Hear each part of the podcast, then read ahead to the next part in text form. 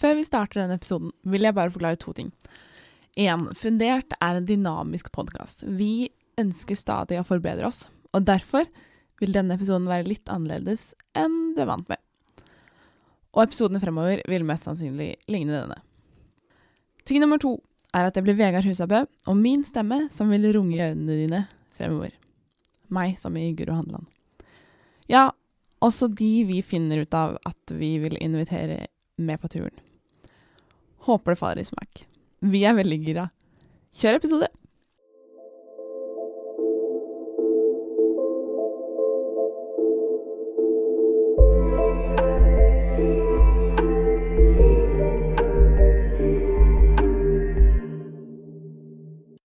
Hei, Vegard. Hei, Guro. Hva har du fundert på i det siste?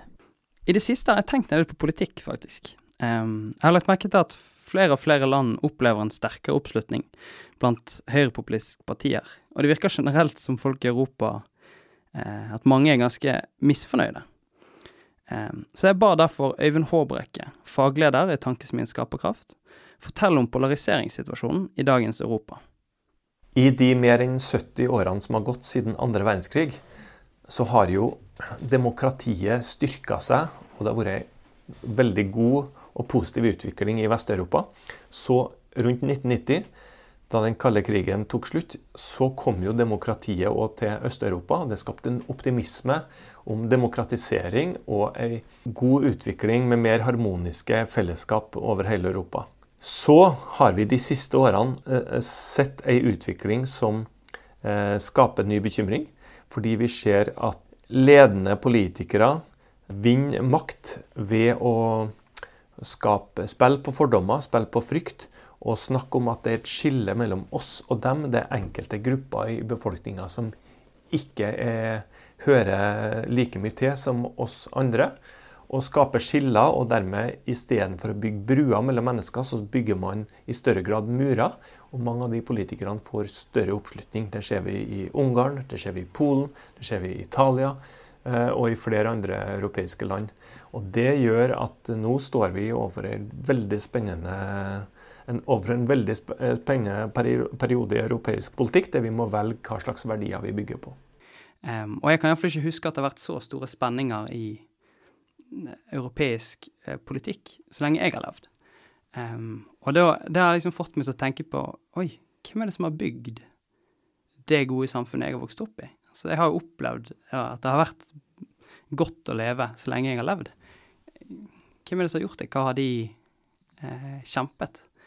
Og så fant du en som har hjulpet til å bygge det samfunnet vi lever i. Ja, jeg har blitt litt kjent med Jeg heter Jens Jonathan Wilhelmsen. Så vi stakk rett og slett og snakket med han. Ja, jeg heter jo Jens Jonathan Wilhelmsen, det vet du. Jeg ble født i 1926. Men vent litt. Hvorfor er Jens Jonathan interessant? Han har brukt store deler av sitt liv på å bygge bro mellom folk som er uenige, både politisk og ideologisk. Um, og Derfor så tror vi at hans historie vil gi noen verktøy for hvordan vi kan bygge flere broer og færre murer i tiden som kommer. Ja, jeg heter jo Jens Jonathan Wilhelmsen, det vet du. Jeg ble født i 1926, hvilket betyr at jeg er 93 år gammel. Jeg eh, ble født i Tønsberg og pendlet hele livet frem til 45 mellom Tønsberg og Oslo. Så kom 9. april. Da rekvirerte tyskerne vår leilighet i Kirkeveien. Da måtte vi flytte tilbake til Tønsberg. Og der var jeg hele krigen. Inntil jeg eh, tok artium i Tønsberg i 45. Jeg var med i motstandsbevegelsen. Ja, det var ingen heltemodige ting. Jeg var i, eh, i saniteten i Tønsberg Tønsberg A. 153 var vel vårt område. Ja, vår, vår, oppgave skulle jo være, hvis det ble noen trefninger, å få folk unna. For uh, det, tyskerne tok ikke fanger fra motstandsbevegelsen. Så begynte jeg å studere på universitetet etter det. I to år. Jens Jonathan beskriver tiden etter krigen som tung. Den politiske småkranglingen og kampen for egne fordeler så ut til å ødelegge samholdet for krigsårene, samtidig som den kalde krigen var i gang. Han satt igjen med en følelse av å ha kjempet forgjeves. Så, da to av onklene hans ønsket å hjelpe han ut av depresjonen, og tilbød seg å sponse billetten til en konferanse med en organisasjon de sjøl var med i, takket han ja, tross litt skepsis. Dette var Moralsk opprustning som konferanse i K i Sveits. Moralsk opprustning, tidligere kjent som Oxford-bevegelsen, er en kristen vekkelsesbevegelse grunnlagt i 1921 av den amerikanske presten Frank Borchmann. De mente at en moralsk opprustning var nødvendig for utviklingen av gode demokrati. De vektla fire etiske normer. Absolutt ærlighet, absolutt renhet, absolutt uselviskhet og absolutt kjærlighet. Gjennom å ta disse absoluttene på alvor reflektere over eget liv, var målet at mennesker i større grad skulle ta ansvar for seg sjøl og sine omgivelser. Og um, der uh, skjedde det jo en radikal forvandling av, av, meg. Han ble overbevist om at ideene der kunne bidra til forsoning og gi håp til et krigstrett Europa, og til ham sjøl, skuffet og frustrert som han var over utviklingen etter at krigen var slutt. Jens Jonathan ble i 1948 to år etter konferansen i Sveits, invitert av Moralsk opprustning til å slutte seg til en gruppe organisasjonen som jobbet i Ruhr-området i Tyskland. Eh, så da denne innbydelsen kom fra Tyskland, og jeg ble bedt om å slutte meg til en gruppe av unge som for det meste hadde kjempet mot Tyskland i krigen, så tenkte jeg vel, dette er kanskje min sjanse til å yte et bidrag. Så eh, jeg aksepterte la mitt studium på hylla og vendte aldri tilbake til.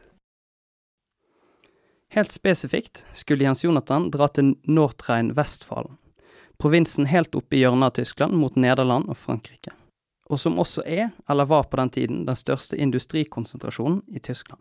En halv million gruvearbeidere jobbet under jorden. En halv million sovearbeidere over jorden på et ganske lite område som dirret av energi. Og Der skulle han hjelpe til med å bygge broer mellom arbeiderne og direktørene for gruvene. Vel, eh, i Ror i dette området var 72% av klubbstyremedlemmene i gruvene medlem av tyske kommunistpartiet. Mange av direktørene i gruvene hadde en bakgrunn som nasjonalsosialister. Men de ble bibeholdt i sine stillinger fordi ingen kunne drive grutene uten deres kompetanse. Derfor var det vi møtte i Ror, ikke bare de vanlige interessemotsetninger, arbeider, kapital, men det var denne ideologiske dimensjonen, kommunisme, nazisme, som spilte med i bakgrunnen.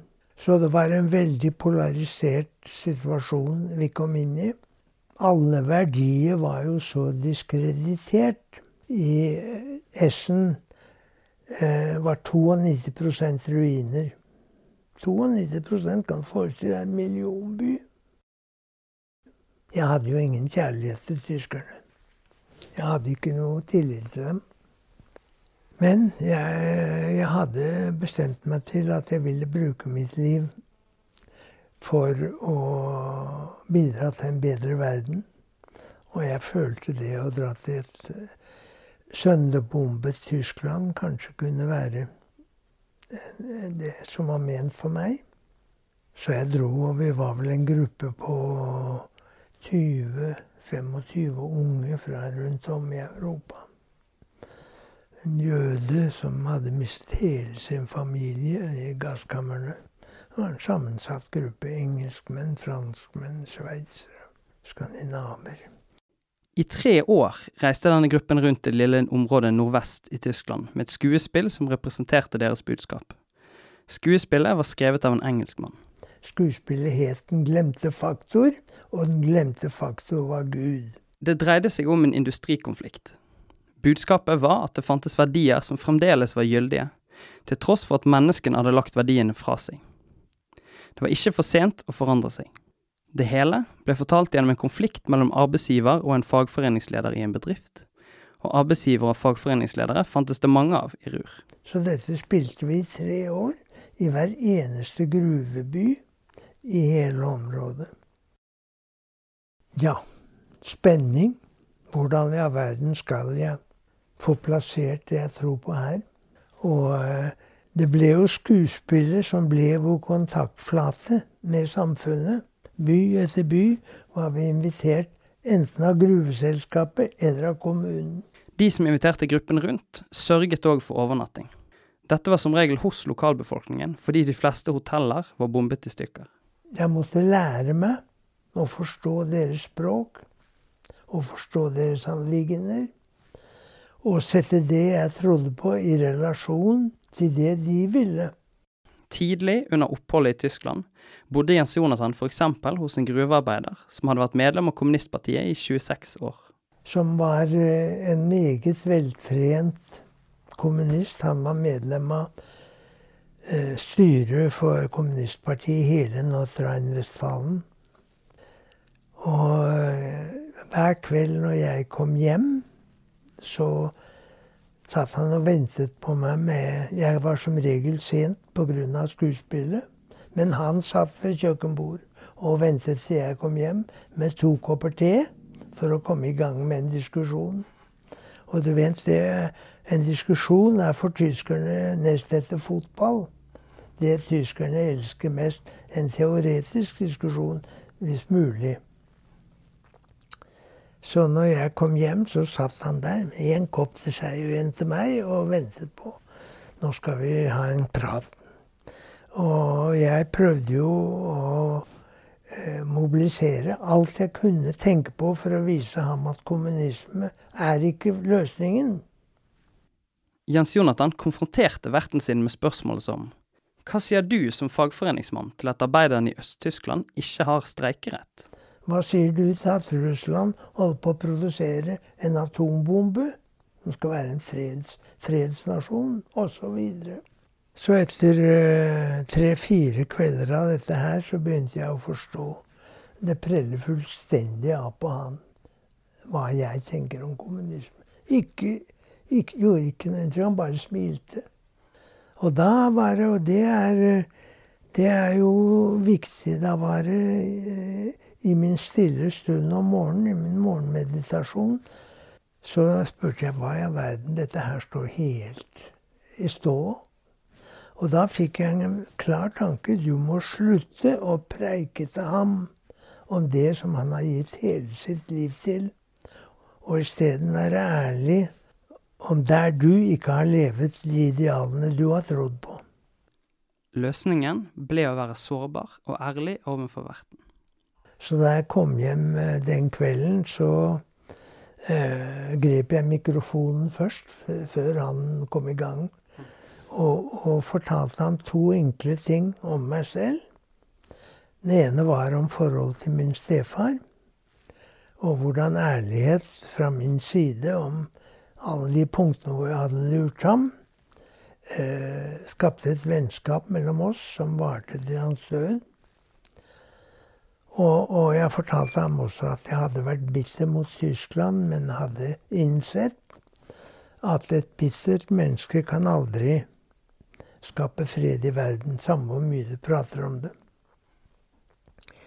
Og da jeg var ferdig med de enkle to tingene, var første gang han ikke kom tilbake med et sterkt svar.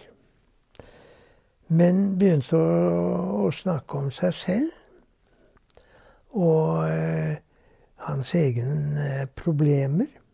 Jeg bodde der vel i ti dager hos ham. Og ved, etter de ti dagene så vi, hadde vi virkelig blitt ganske gode venner. Max Bladek het Jens Jonathans vert. Han skulle spille en stor rolle for Jens Jonathans vei videre. Fagforeningen hans kalte inn til et møte for å diskutere ideene moralsk opprustning formidlet, både fra scenen og i hjemmene de bodde i. Vi ble jo ansett som et subversivt element. Kommunistene tenkte jo dette her er kanskje arbeidsgivernes hemmelige våpen. Så de kalte inn til en diskusjon i et vertshus som heter Heier. Og min vert ledet møtet. Vi fikk jo nesten ikke et ord inn. Alle kommunistene sprang opp, ene etter den andre med sine argumenter og sin tolkning. Vi, vi fikk en luke til slutt, ikke jeg, men noen av mine medarbeidere, til å si hva vi tenkte. Og så var det slutt. Og da sto min vert opp og sa ja, det kan jo tenkes at hvis kapitalismen er tesen, og kommunismen er antitesen, så kan det jo tenkes at det dette skuespillet står for, er syntesen. Her sto altså Max Bladek etter 26 års medlemskap i Kommunistpartiet og sa at det budskapet i skuespillet Jens Jonathan og resten av gruppen reiste rundt med, kanskje var løsningen verden ventet på. Og du kunne ha droppet en bombe i det vertshuset. Folk, folk var så overrasket. Men faktum var at det som hadde blitt født mellom han og meg i de ti dagene jeg var der, han hadde virkelig fått noe inn som eh, han tok alvorlig. Denne prosessen foregikk igjen og igjen over hele området de besøkte. Men førte det egentlig til en forandring? Adenauer, som var eh, den store lederen i Vest-Tyskland etter krigen, sa, ga eh, ære til vårt bidrag til å ha skapt en ny tillit mellom partene i Ruhr-området. Der foreligger en erklæring fra ham men ikke direkte om medbestemmelse. Men faktum er at uh, Anton Storch, som var uh, industriminister i Adnars regjering, kom spesielt opp til Ror fra Bonn for å møtes med arbeiderne og fagforeningen i en stor gruveselskap med 26 000 gruvearbeidere, for å høre før det ble lov om medbestemmelse, hvordan de hadde kommet til et tillitsforhold i sitt samarbeid. Men i 51 var det vel, så vedtok forbundsdagen i Bonn, parlamentet, en lov om medbestemmelse som ga fagbevegelsen 50% av plassene i styrene i, i kull og stål. Og så var det én nøytral formann. Denne politiske forandringen kom på bakgrunn av at MRA hadde vist at arbeidsgivere og arbeidere faktisk kunne samarbeide. De kunne overvinne ulikheten og stå sammen om å skape en bedre hverdag for alle. Loven bidro mer enn noe annet til tillit mellom arbeidere og arbeidsgivere. Den kunne bygge videre på forandringer som MRA hadde vært med å skape, og forankret de i nye samarbeidsstrukturer. Så det var en viss sammenheng der. Vi hadde sikkert en andel i at det skjedde. Ja.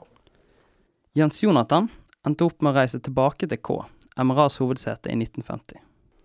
Denne gangen sammen med verten, som var fagforeningsmann og tidligere kommunist, Max Bladek. K er eh, senteret for moralsk opprustning i Sveits. Det ligger ved Genfersjøen, nær Genéve. Dit kom en stor gruppe japanere, 70 ledende japanere, i 1950. Og en av de de hørte tale i K, var Max. Og på den tiden var Japan fascinert av revolusjonen i Kina, også før. Revolusjonen Jens Jonathan refererer til, er revolusjonen Mao Zedong ledet, som ble grunnlaget for Folkerepublikken Kina. Japanerne Max og Jens Jonathan møtte, var redd for at det ideologiske tomrommet etter andre verdenskrig skulle bli grobunn for nye konflikter.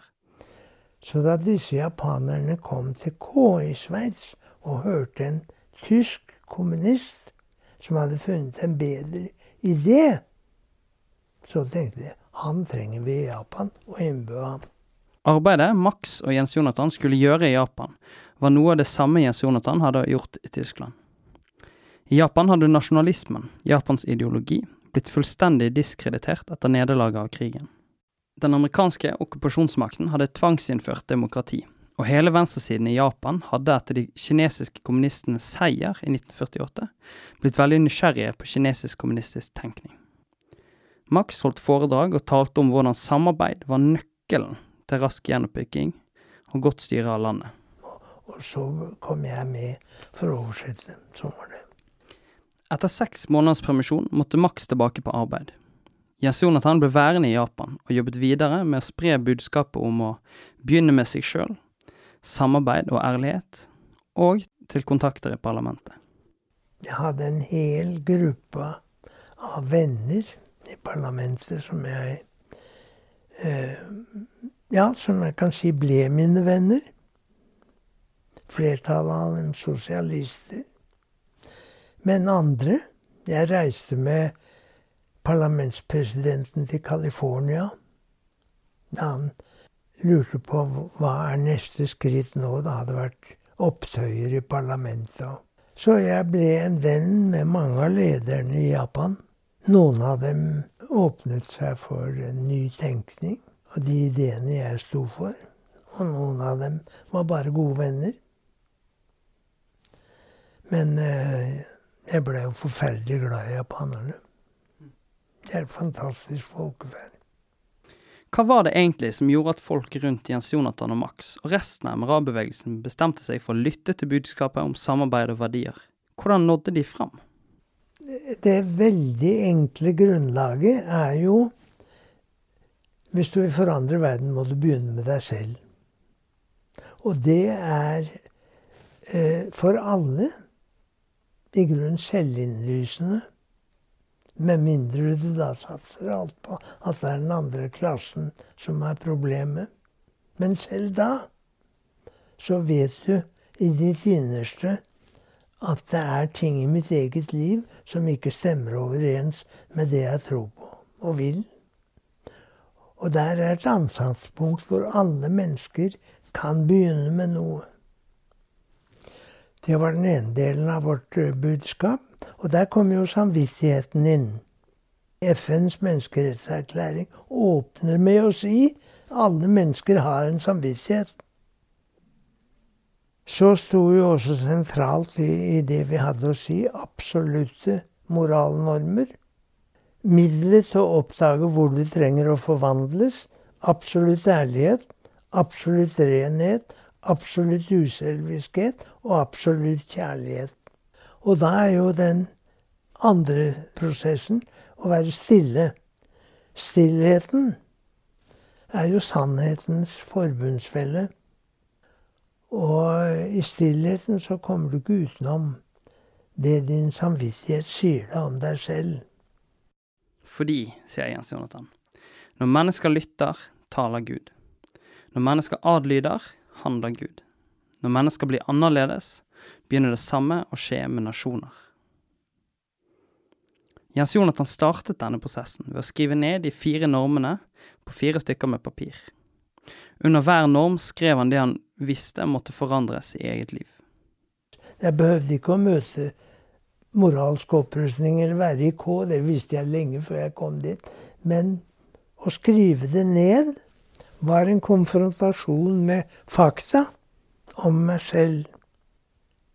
Og det er en prosess som uavhengig av om du er tro på Gud, eller om du er japansk buddhist, eller hva du er for noe, eh, som du kan ta fatt på og gjøre noe med. Men da er det jo veldig avgjørende Du kommer jo inn i spørsmål og problemer som går helt nær på.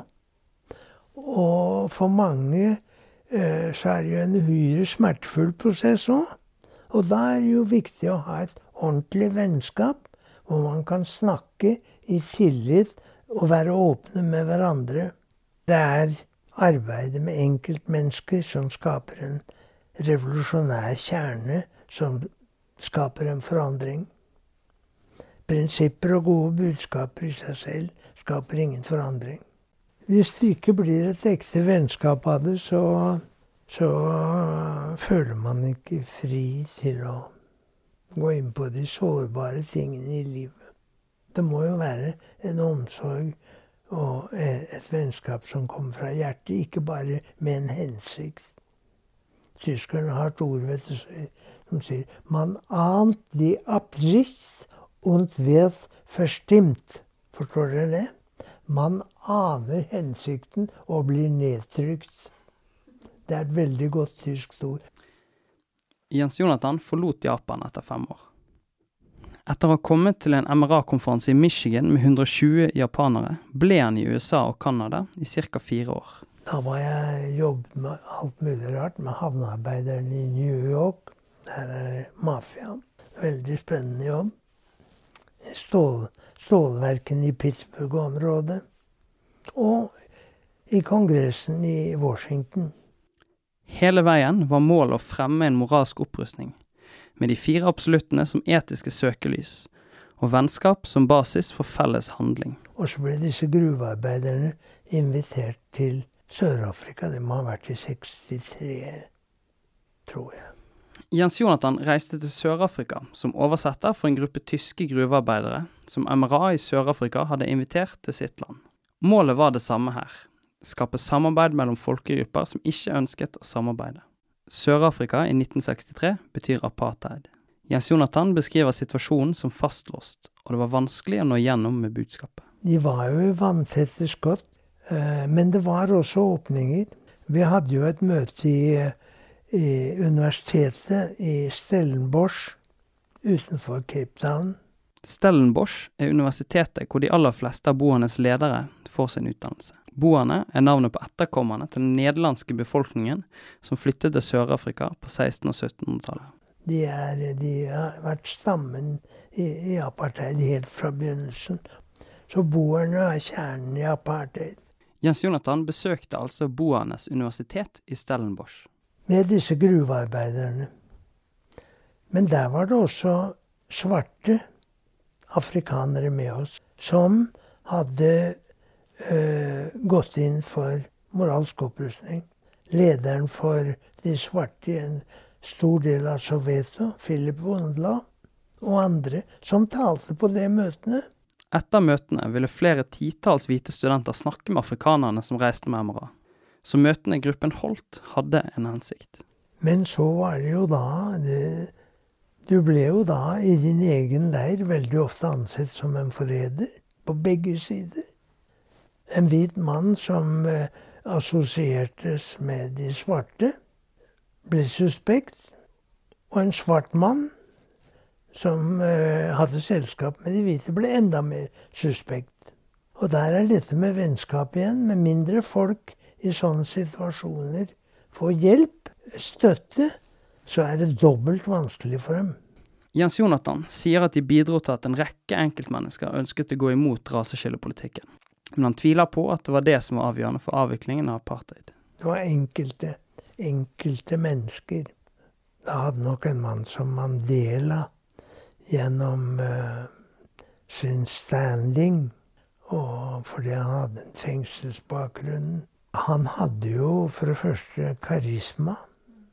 Han hadde en patent bakgrunn som frigjøringshelt. Han hadde sittet mange år i fengsel. Hans mangel på hatpreik overfor de hvite gjorde at også de hvite tok ham alvorlig. Hans eksempel nådde ut. Vårt eksempel og de vi arbeidet med, det var også kjente folk. Nådde nok ut. Men eh, om det var i noen betydelig grad, det har jeg tvil om. Vi vet ikke hvorfor Jens Jonathan og resten av gruppens tilnærming ikke fungerte like godt i Sør-Afrika som i Japan og Tyskland. Det vi vet, er at arbeidet brakte enkeltmennesker sammen, gjennom en lovendring i Tyskland, en tysk gruvearbeiders foredrag i Japan og samtaler mellom boerske og afrikanske ledere. Og vi tror at det ligger noe i hans budskap om at prinsipper og budskap ikke er det som skaper en forandring, men at det er forhold mellom enkeltmennesker.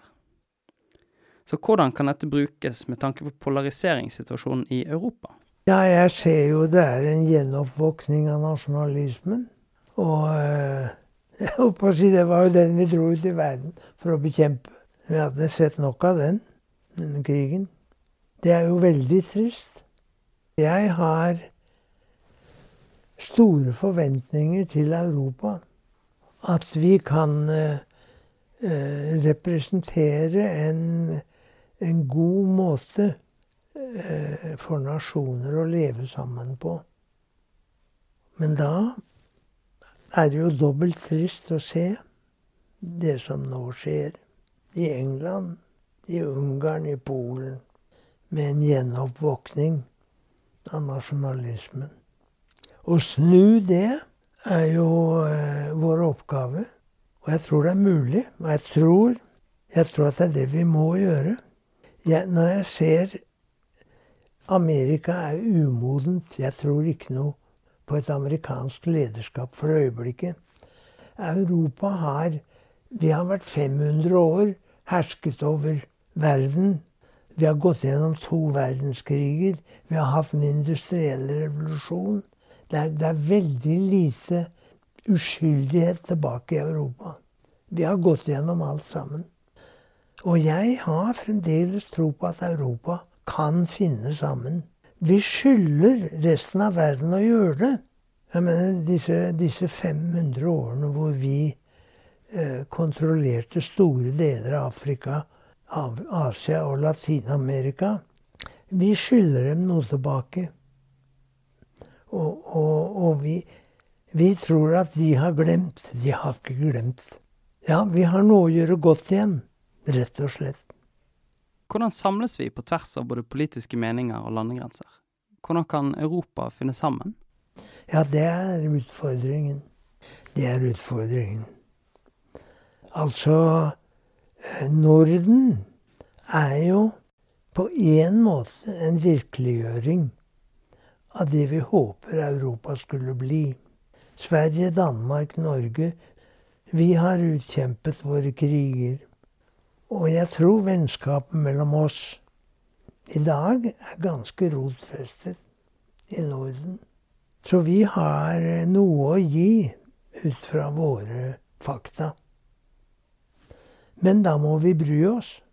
Og vi må ut av våre små nasjonale bokser og bekvemmelighet og, og, og, ta ansvar. Hva karakteriserer et godt demokrati? Ja, det er jo folkestyre. Demo er folk, okrati er styre. Det er folkestyre.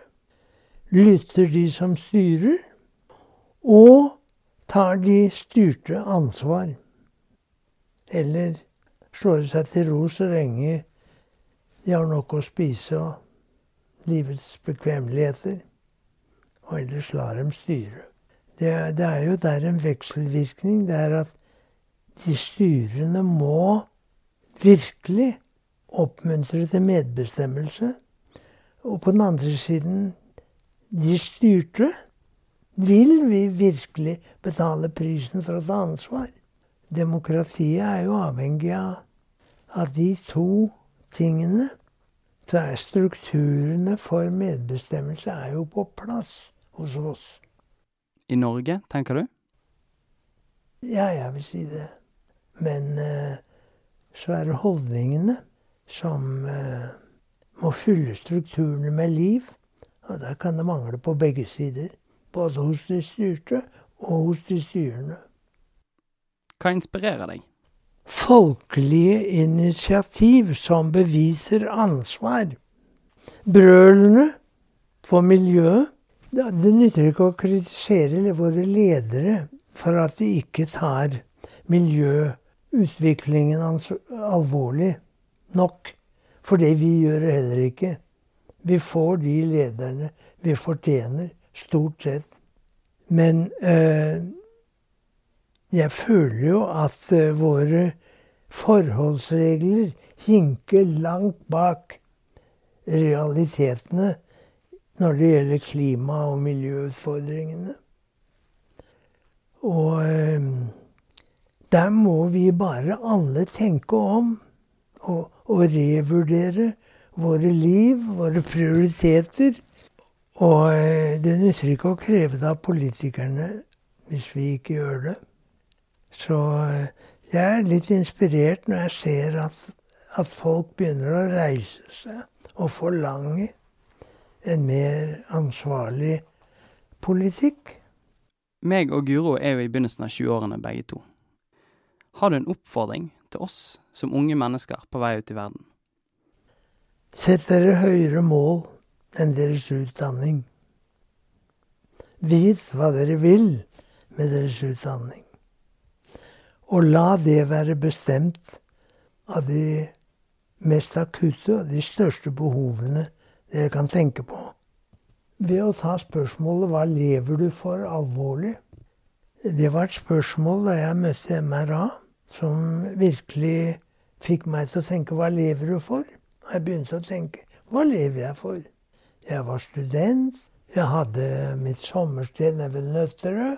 Jeg ville studere og bli ferdig og få et respektabelt yrke og en vakker kone, hvis mulig.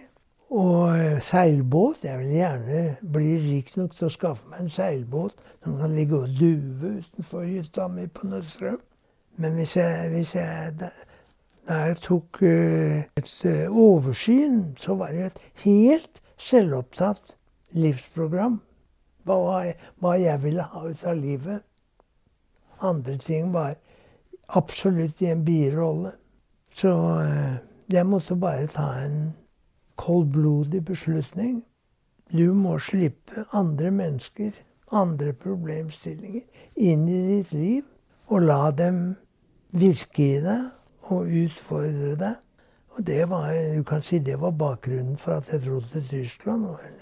Ellers hadde jeg aldri dratt. Det er viktig ikke å sette grenser for hva som kan være for meg, og hva, hva som ikke kan være for meg. Og der må du på en måte bryte opp horisonten. Og det er jo eventyret som da åpner seg opp. Ikke sant? Mening. En mening i livet. Når du merker at du kan gjøre noe med ting som virkelig teller, og som, som ellers ser ut som de er utenfor din rekkevidde. I 2001 endret MRA navn til Initiatives of Change. Jens Jonathan er fortsatt engasjert i deres arbeid, og bor i dag på bevegelsens eiendom sentralt i Oslo. Vil du høre mer om hans liv, så finner du flere av hans utgivelser ved et raskt Google-søk. Vi synes hans ord er tydelig nok, og vi lar de avslutte denne episoden. Dette er fundert. Takk for at du lyttet. Det veldig enkle grunnlaget er jo Hvis du vil forandre verden, må du begynne med deg selv. Og for mange Eh, så er det jo en uhyre smertefull prosess òg.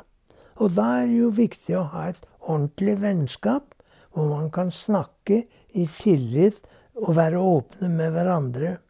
Det er arbeidet med enkeltmennesker som skaper en revolusjonær kjerne som skaper en forandring. Prinsipper og gode budskaper i seg selv skaper ingen forandring. Jeg tror er man villig, så blir man brukt der man egner seg, på en måte. Og det er jo eventyret som da åpner seg opp. Ikke sant? Mening. En mening i livet. Når du merker at du kan gjøre noe med ting.